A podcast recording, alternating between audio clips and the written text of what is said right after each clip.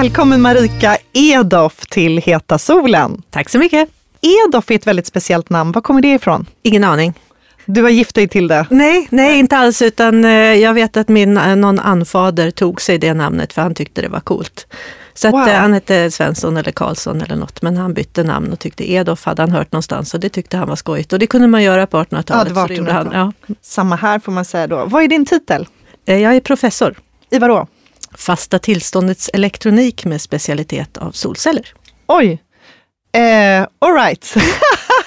Och det brukar vara Okej. svårt att säga Och och, då- och be- förklara vad det är. Fasta tillståndets elektronik låter fullkomligt obegripligt. Så jag brukar säga att jag är Professor. professor. Professor och solcellsforskare brukar jag säga att jag är. Okej, och eh, fantastiskt. Eh, du ska få berätta mer om din forskning och eh, vad du tror framöver om forskningen och hur teknologin utvecklas inom det här området.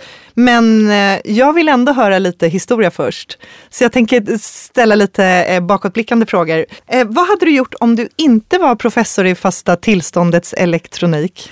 Ja, kanske hade jag varit tvärflöjtslärare. Åh herregud, kan du spela tvärflöjt också? Ja, jag, jag gick och pluggade musik några år efter jag slutade gymnasiet.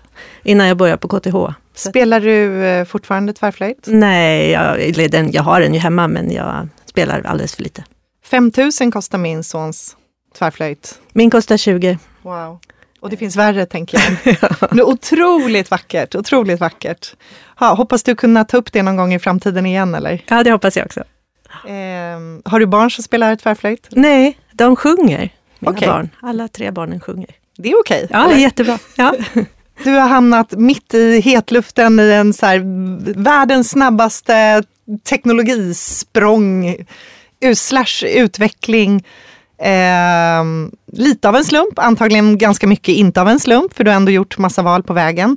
Såg du vad som skulle komma när du valde det här spåret? Ja, det tror jag nog. Eh, fast inte att det skulle gå så här fort kanske. Men att solenergi skulle vara en väldigt viktig energikälla, det såg jag. Som student? Som student, som doktorand? Så att jag läste en kurs när jag gick på KTH. Jag gick elektroteknik på KTH och jag läste en kurs sista året som handlade om förnybar energi. Och det var 1800...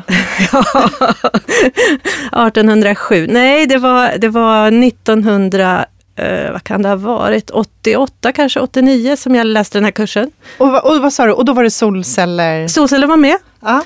Eh, och sen gjorde jag, tyckte jag solceller var ju jätte, jättespännande av det här. Så att jag sökte examensarbete inom solcellsteknik och sen så blev jag kvar helt enkelt i att, att eh, även doktorera och sen ja, gå vidare inom solcellsteknik och forskning. Och nu är du på Ångströmlaboratoriet Ja. eh, som ligger i Uppsala och som är någon sorts enhet under Uppsala universitet. ja, det är en del av Uppsala universitet. Mm. Eh, kan du förklara det här med fakultet, institution och avdelning och placera in dig själv där också? Så, Ja, fakulteten är den teknisk-naturvetenskapliga fakulteten vid Uppsala universitet, ungefär en tredjedel av universitetet. Och där finns det ett antal institutioner och jag är på institutionen för materialvetenskap. Och sen leder jag en avdelning och avdelningen heter avdelningen för solcellsteknik.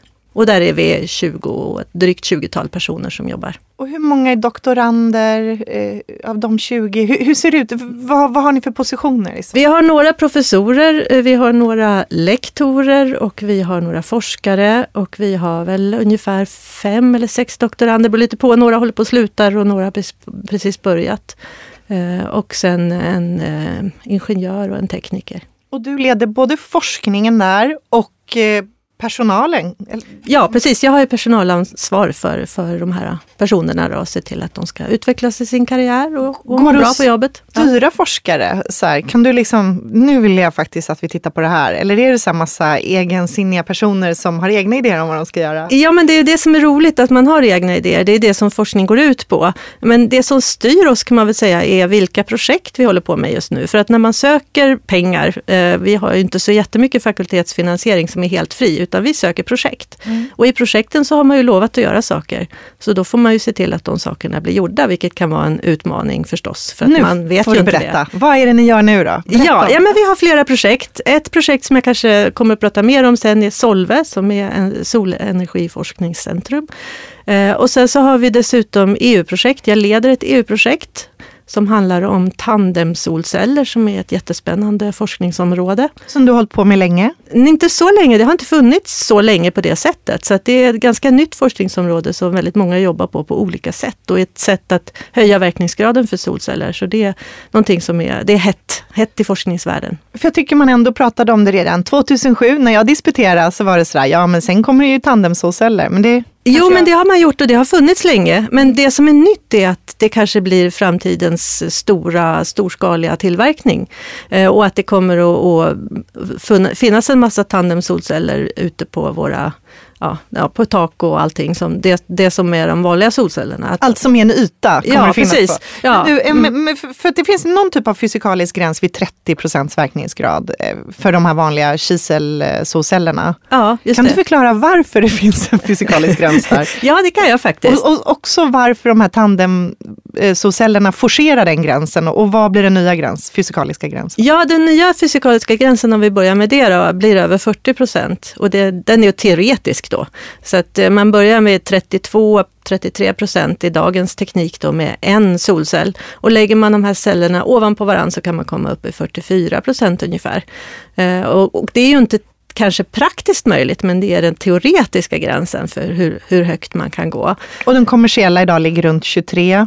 Ja, alltså på modul ligger det ju 22, 23 finns det ju att köpa de allra, allra bästa. De, de som är världsrekordceller och som man kanske ska jämföra de teoretiska gränserna med är ju uppe på nästan 27 procent för kisel och nästan 30 för galliumarsenid som då är ett, ett sån här Formel 1-material som kanske inte kommer att vara så storskaligt men som ändå visar var, vart man kan komma. Har Ångström någonsin haft det här rekordet? Inte för kisel, för vi jobbar inte med kisel. Däremot så har vi ett rekord just nu för tunnfilms solceller som är en en annan typ av solceller än kisel och där det rekordet ligger på 23,6 procent. Är det din avdelning då?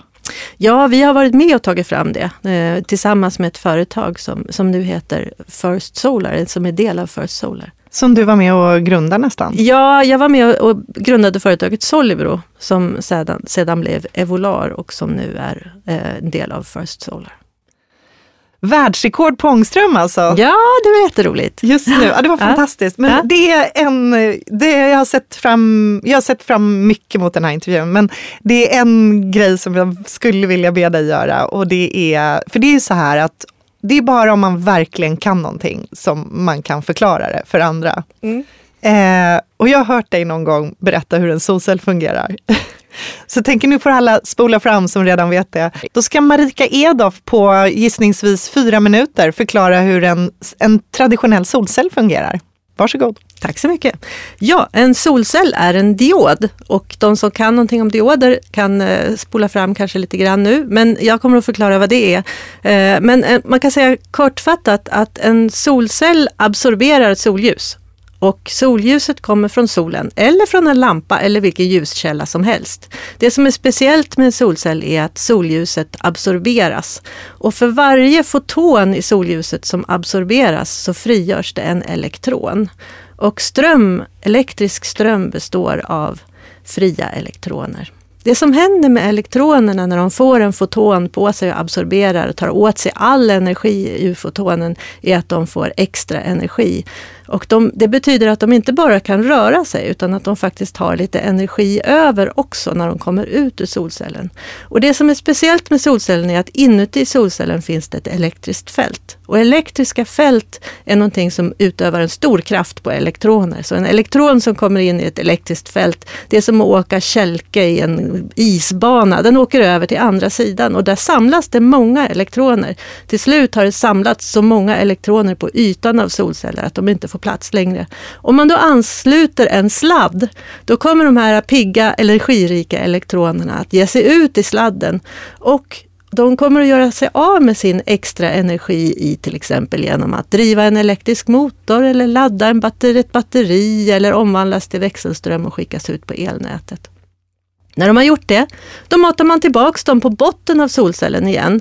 Och sen är det som ett kretslopp så då kan de absorbera solenergi igen och göra om det här kretsloppet. Så det som är hemligheten är att eh, elektroner som inte har fått en solstråle på sig, de kan inte röra sig. Men när de väl har fått en solstråle på sig, det är då först de kan röra sig och ge sin energi till någonting som ligger utanför solcellen. Och den här dioden jag började med att prata om, det är den som gör att det finns ett elektriskt fält. Och dioden kan man göra genom någonting som heter dopning. Man kan dopa kisel med olika material så man skapar den här övergången som är själva dioden. Eller också kan man lägga på ett annan typ av material eh, som också skapar det här elektriska fältet. Så två saker, absorption och elektriskt fält, det är det som en solcell är uppbyggd av. Marika Edaff. Fantastiskt. Vad underbart. Marika, den här gränsen då, vad sa mm. du, 32 procent? Ja, eh, mm. ja och, och det här, om man nu tittar på vad, vad är det som begränsar verkningsgraden? Varför kan den inte vara 100 procent? För att det, och det är flera olika delar. Dels är det så att solljuset består inte bara av en enda färg. Det består av fotoner som har olika energier. Men en solcell, en endaste solcell, en enkel solcell, typiskt kiselsolcell, är specialiserad för en enda våglängd. Men solljuset består av många våglängder, så en del våglängder kommer att ha för lite energi för att, energi, att de här elektronerna ska kunna frigöra sig.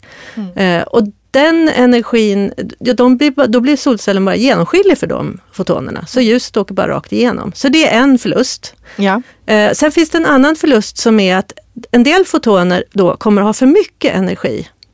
Så en elektron som har fått i sig en sån blå foton till exempel, ja. då, om man tänker sig en blåblått ljus, ja. då, blir energi, då får elektronen så mycket energi så att den åker en bit till upp och får jättemycket energi. Men den energin kommer den att göra sig av med genom att ge den till atomer inne i solcellen. Den kommer inte ut i sladden. Ah, det kommer bli värme kommer, kanske? Eller? Ja, det blir värme i solcellen. Så att den, den kommer bara göra att, att solcellen blir lite varmare. Så det där, och den, den processen att göra sig av med extra energin är snabb.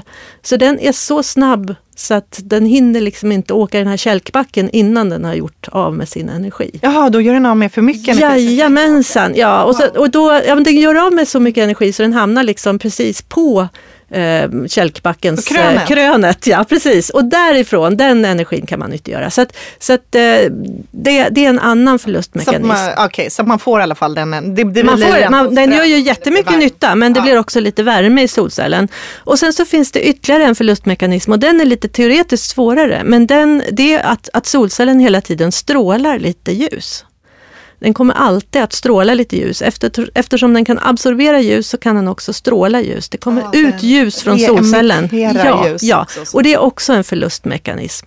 Och vilken av de här tre är det som en tandemsolcell då eh, minskar? Allihop egentligen. Wow. Ja, kanske inte den här strålningsmekanismen, för den kommer alltid att finnas. Men om man gör tandemsolcellen klokt, så gör man den så att den kan absorbera lite mera ljus än en kiselsolcell.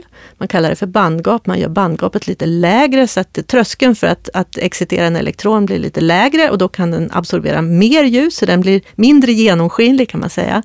Eh, och det andra är att man ersätter den här generalistsolcellen som, som slösar bort en hel del eh, av ljusenergin till värme med två specialistsolceller där en är, är specialiserad på infrarött ljus och en på synligt ljus kan man lite förenklat säga. Och då så utnyttjar man fotonernas energi bättre.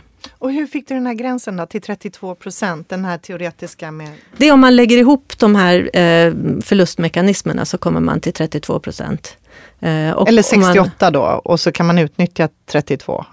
Eller? Nej, eh, 68 procent är om man har oändligt många solceller staplade ovanpå varandra eller om man ersätter solen med en laserstråle som bara har en enda våglängd och den våglängden är exakt solcellens eh, tröskelvärde kan man Men säga. Så att verkningsgraden kan max bli 32 procent ja. och det kommer för att du har av de här 100 procenten som de skulle kunna använda så tappar man 68 procent idag, eller?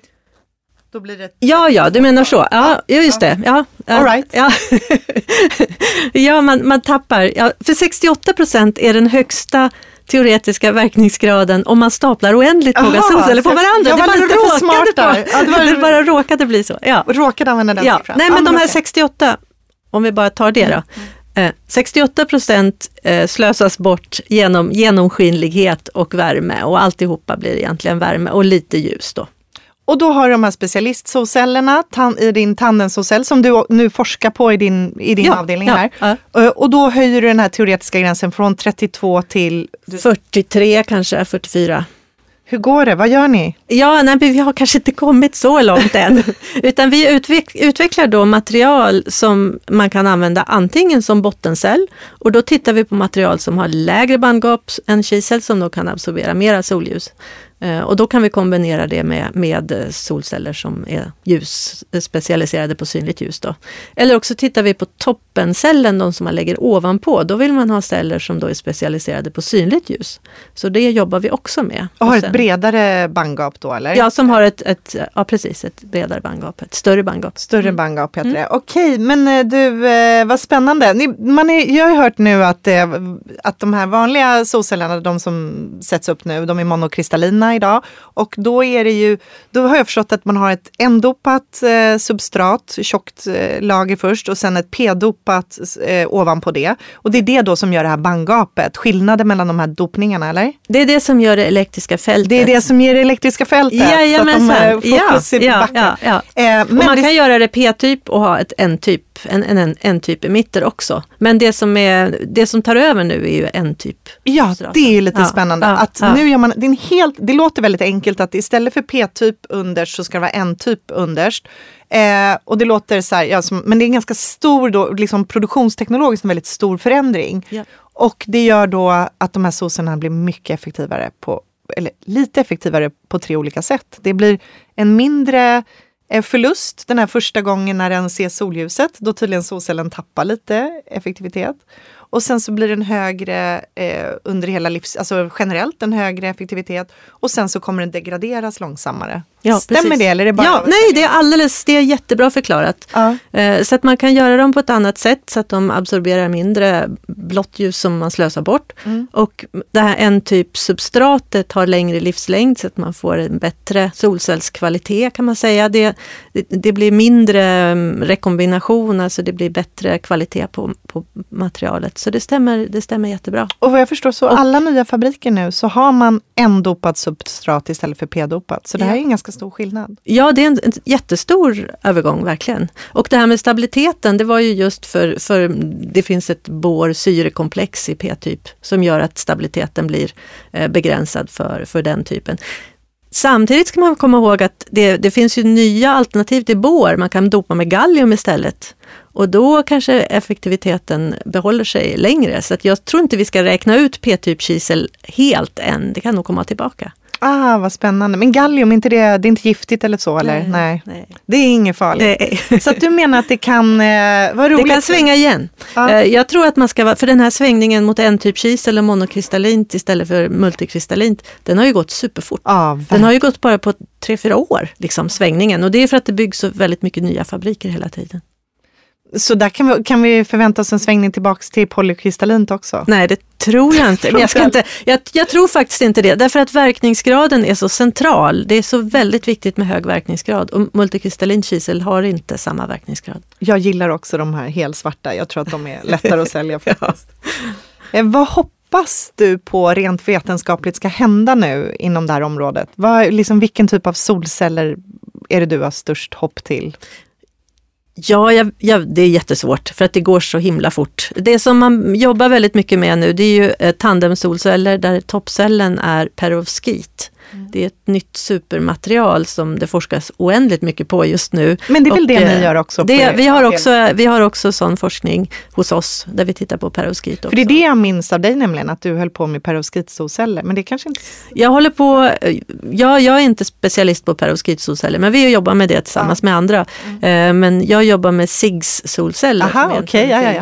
tunn- annan tunnfilmsteknik. Ja, okej. men, men de här kombinationerna av olika typer av solceller jobbar vi med. Och det som är viktigt då för att det ska bli billiga kilowattimmar, det är ju dels att verkningsgraden är hög eh, och eh, att tillverkningstekniken är hyfsat billig, men också att de håller i 30 år.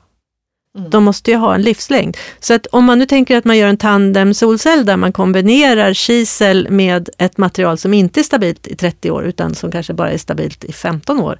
Då slösar man ju bort en massa år eh, på någonting som kanske man får slänga dem efter 15 år. Och det är inte alls säkert att det är ekonomiskt lönsamt.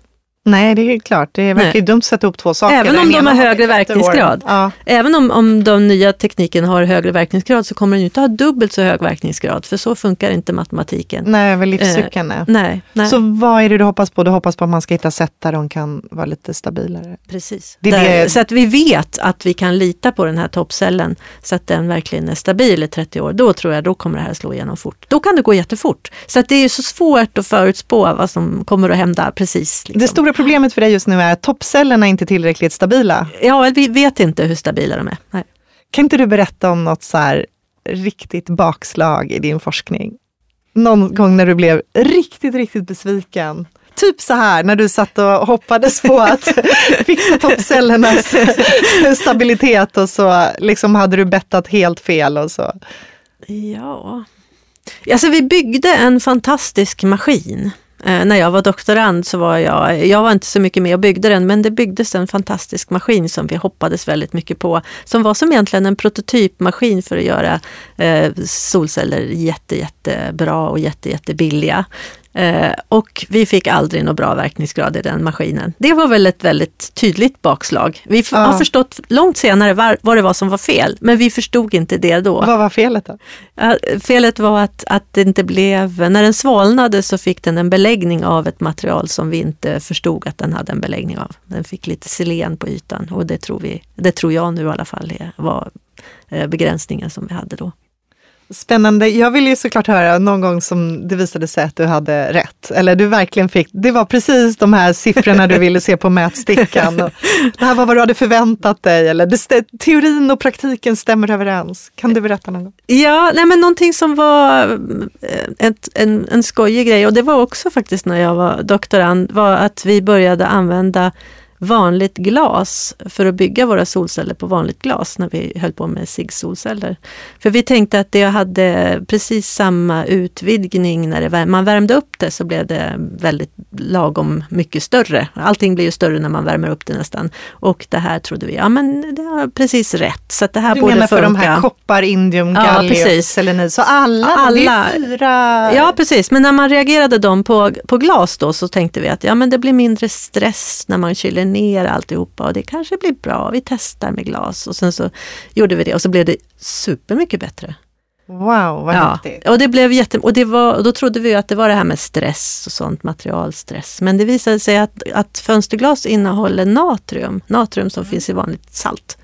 Eh, och när man värmer upp glas, som vi gör då när vi gör våra solceller, då släpper den ifrån sig lite natrium. Och natrium visar sig vara superbra och superviktigt för våra material. Så det var därför alltså, de blev bättre. Då kommer det upp till ytan, för natrium ja, kom... är i mitten av den här kiselringen, va? Är inte det? Nej, Nej, natrium finns i, i vanligt glas. Ja, men jag menar, ja, ja, precis. Ja, ja. en ring och så ja. den ut så stoppar ja, in Natrium eller kalcium. Ja, ja, natrium, kalciumglas. Så att den blev av med natrium och sen så kunde vi göra nytta av, av det natrium. Jag tänker det finns ju något som heter glassjuka sjukan på så här gamla... Ja just det, när det korroderar, när det blir så här vitt. Kan det också vara att natriumet eh, eh, liksom lämnar den här kiselringen och går ut till ytan? Ja, någonting sånt är det något som gör, den gör när det blir fuktigt. Va? Mm. Mm, mm. Det händer grejer, det, ja, kanske heter ja. ytkemi. Tänk, nu, ska vi ha, nu har vi pratat lite om tekniken.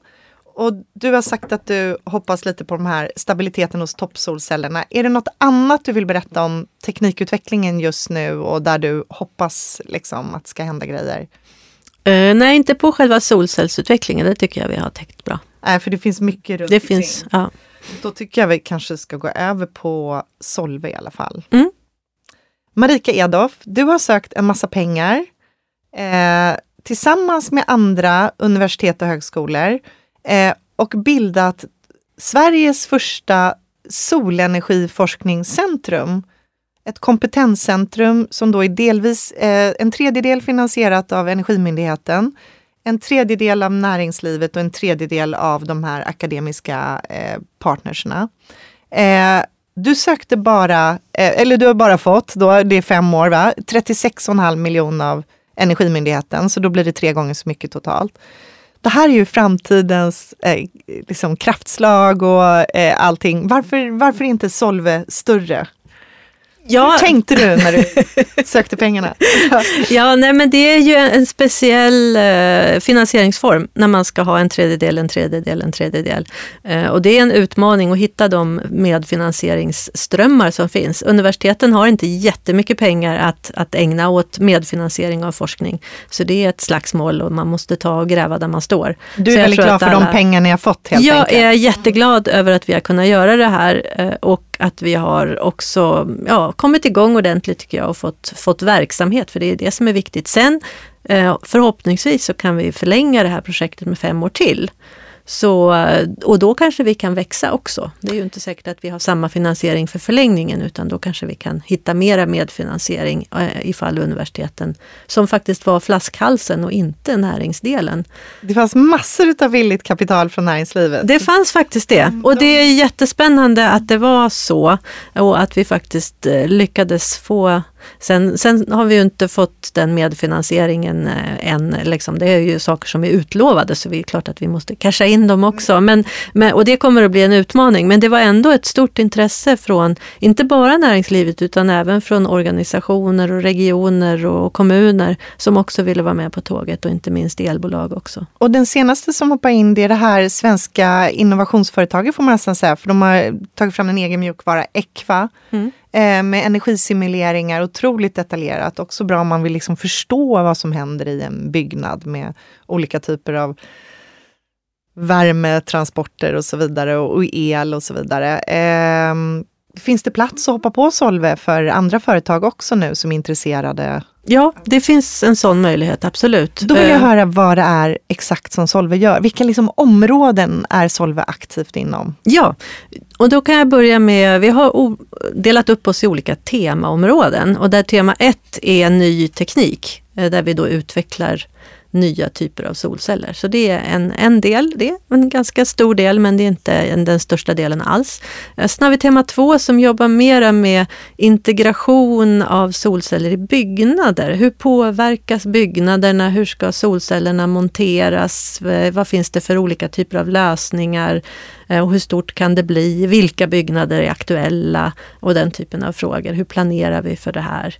Så det är tema två. Sen har vi tema tre och tema sex som egentligen hör ihop på ett ganska fint sätt. Så vi brukar, nu har vi börjat ha de temana tillsammans i viss del. Och det handlar om storskalig utveckling av, av solceller. Vad händer när man får mycket solceller i nätet? Både i det lilla, eh, hur, vad händer när man har solceller i ett hus? Vad händer med hussystemet då, elsystemet i huset och hur planerar vi för det? Och sen vad händer när vi har väldigt mycket genomslag av solceller i Sverige? Hur påverkar det vårt stora elsystem och hur ska vi balansera solelen och så? Så de, de temana håller på med det. Då. Sen har vi tema fyra som handlar om land sharing, alltså hur, hur planerar vi för att utnyttja marken maximalt. Och kan vi ha solceller på åkermark? Ska vi ha solceller på åkermark? Och i sådana fall ska vi bruka åkermarken samtidigt som vi har solceller på den. Det som kallas för agrivoltaics. Eller ska vi planera för solcellsparker där det är, finns mark över, eh, även om den är långt från elnätet och hur funkar det? Och sådär. Så att det, och den typen av frågeställningar. Och sen har vi tema 5 som handlar mer om ekonomiska eh, påverkan på solceller. Hur, hur, eh, hur ska affärsmodellerna se ut för att tillverka solel? Vilken typ av företag? Hur ska ägandet se ut? Vad finns det för olika alternativ där? Och sen slutligen då tema 7, eh, eftersom vi pratar om, redan om sexan. Så tema 7 som handlar om, om eh, aspekter på hållbarhet. Olika aspekter på hållbarhet, både etisk hållbarhet, hur produceras solcellerna? Vilken typ av solceller vill vi ha? Eh, vill vi kunna använda vår konsumentmakt för att påverka vilken typ av solceller vi importerar. Och sen vad händer med solcellerna när de har tjänat ut? Hur ska vi eh, ja, återvinna dem och vad finns det för utmaningar där? Så om man nu är på ett företag och man känner att ja, men på det här temat passar jag in, är det till dig man ska mejla? Det kan man absolut göra och det som jag kommer att fråga då, eh, mm. den motfrågan som jag, vad kul att ni är intresserade. Vad vill ni bidra med? Kommer jag att fråga då. Är det något särskilt du behöver just nu? Eh, någon sån här, behöver du tillgång till någon solpark eller något? Det kanske mätdata. vi gör. Nej, jag tror kanske att vi har ganska mycket partners som bidrar med mätdata nu. Så vårt bekymmer är nog snarare vad ska vi göra med allt mätdata? Hur ska vi nyttja all vår mätdata på bästa sätt och, och, få den till att bli bra forskning? För det är ju faktiskt forskning vi ska hålla på med. Det här är Solelforskningscentrum Sverige så att vi ska forska.